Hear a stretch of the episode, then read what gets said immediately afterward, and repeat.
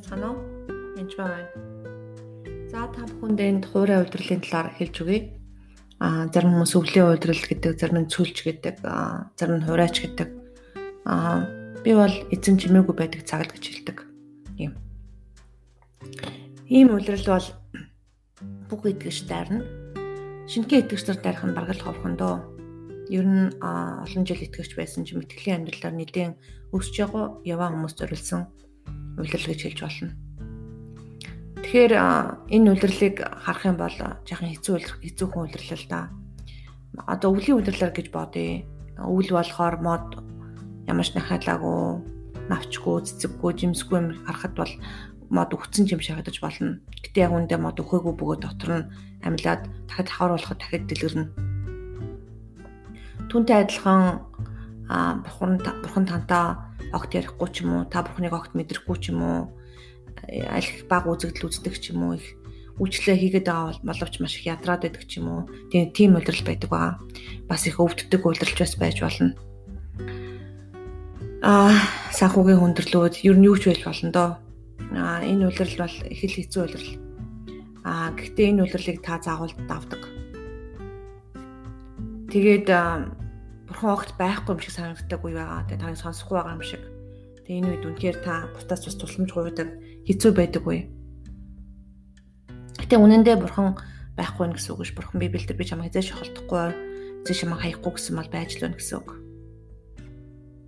Тэгээд энэ бол бидний сүнсний затгуурлаас аврах, биднийг өөртөө улам ойртуулж, улам сайн, зөв, зөвхт ариун ариусгахын тулд энэ процесс явагддаг зүйл дээ Бурхан ийм удирлыг бидэнд зөвшөөрдөг байгаа. Яг сэлэм шиг сэлмийг давтаад, төмрийг давтаад тэгэд хатаагаад галд галан халуун галт хийгээ тайлуулаад давтаад хүүт усанд хийгээд л олон энэ процессыг олон давцаа дээр хамгийн сайн сэлэн болдог. Тэрнтэй адилхан варыг ч гэсэндээ шаваар сайхан урлаад тэгээд тэр уралсан шаваараа хатаагч 100-нд хийж хатаадаг. Хоол ч гэсэн адилхан хоолоо ичээд хоолоо болгодог ба та магадгүй өө дүүгэр тэтг хоол шүдэж гэдэг юм уу янз бүр мэрч болно л доо. Бараар бол би бараар ингэж урлуулах гэсэн. Та ингэж ингэмээр байна, тэгмээр байна гэж аа бурханд бас юу гэдгийг өөрийнхөө хүсэл сонирхлыг хийх сонирхолтой хүмүүс байдаг. Гэтэ энэ процессор үед бол таал болох чимээгүй бурхан юу хийх ёстой тэргээ хийхэд нь зөвшөөрөх явдал хамгийн чухал. Тэгвэл хаврдан дуусна. Ихэнх энэ үед ихэнх итгэгчнэр төвчээр алддаг байгаа. Аа тэгээд эсвэл бас би болохгүй байна гэж заримдаа их ихтэй бодогдно. Аа тэгэд энэ үед нь бас муус ус бас их дайрдаг ба их тэмцэлэг хэрэгтэй болдог ба. Тэгээ муус ус ер нь бол байн хуурж идэг байгаа. Яг энэ үед тэгээ муус усны хууралтыг ялгахад маш хэцүү байдаг энэ үед бас яг энэ үед бас ялгах чадвар маш их өсдөг байгаа. Яадаг бол Библийг сайн унших хэрэгтэй. Библиэд харьцуулангууд аа эн чинь муус ус шүү дээ гэж ялгаж эхэлдэг ба.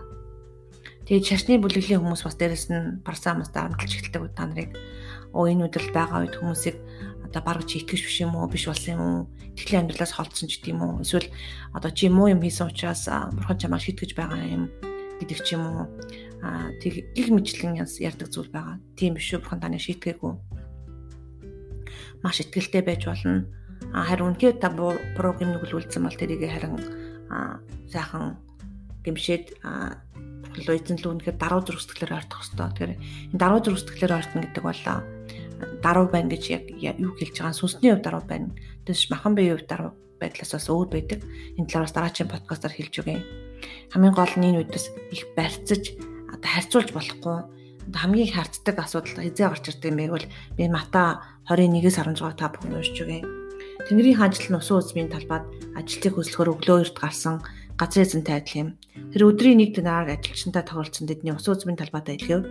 3 дугаар цагийн орчим дээр гадагш гарч гудамж зээл дээр ажилгүй зогсож би өөр хийдэг гар өөр хийдийг хараад тэдэнд та нар ба бас ус үзмийн талбай руу яв. Би та нар шударгаар төлнө гэсэн дэд явжээ.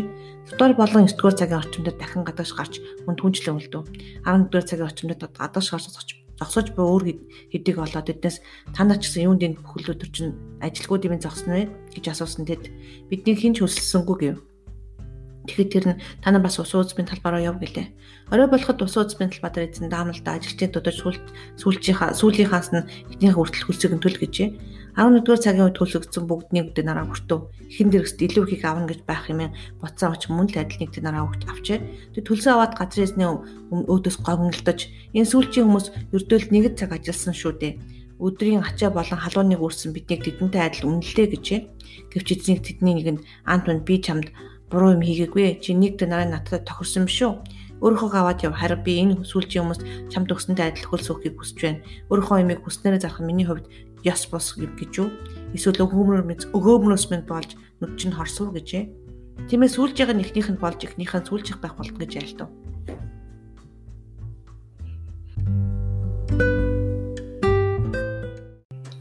Тэгээд бүхнийг харах юм бол үнэхээр гош гошгон Монголдоо бурхан шудраг биш юм шиг санагдаж эхэлнэ бас. Яг үндэ бурхан шудраг бас тэгээд өгөөмөр байгаа. Аа тэгэхээр урд нь залуухан итгэгч нар сайхан ажиллаа ч юм уу сайхан бүх залбирлын хариултанд болоод хурдан хурдан итгэрээд байхад та насаараа сайхан залбирсан байдгаараа бурханд үйлчилсэн мөртлөө яагаад миний хариулт болохгүй байгаа юм бэ гэж бодогдвол яагаад нэг нүгч итгэхгүй вэ гэл яагаад нэг бүх юм болохгүй байна гэл хэцүү байдаг ба. Энэ үед та ялангуяа залуу итгэгч нартай өөрийгөө харьцуулж болохгүй. Өөр өөр удиралд явж байгаа хүмүүстэй ч өөрийгөө харьцуулж болохгүй. Энэ үед үнэхээр бурхны хийж байгаа зүйл зөв гэдэгт итгээд эзэндээ даруй сэтгэлээр ирэх ёстой. Тэгээд гэтээ бурхны нэгэст үргэлж байдаг шүү. гэдгийг юусоо мартаж болохгүй. Энэ удирлаар давах ганцхан арга бол төвчээр даруугаар эзэн дээр очих. Өөр ямар ч сонголт байхгүй Тэгээд энэ бол улирлаа яг давж иж та үнэхээр сайхан болно. Тэгээд цааталт нь хаврын цаг 100 цэцгэлэн гэдгийг юусаа мартаж болохгүй шүү. Тэгээд та эзэнтэй хамт байгаараа даруухан сэтгэлтэй байгаараа баярлалаа.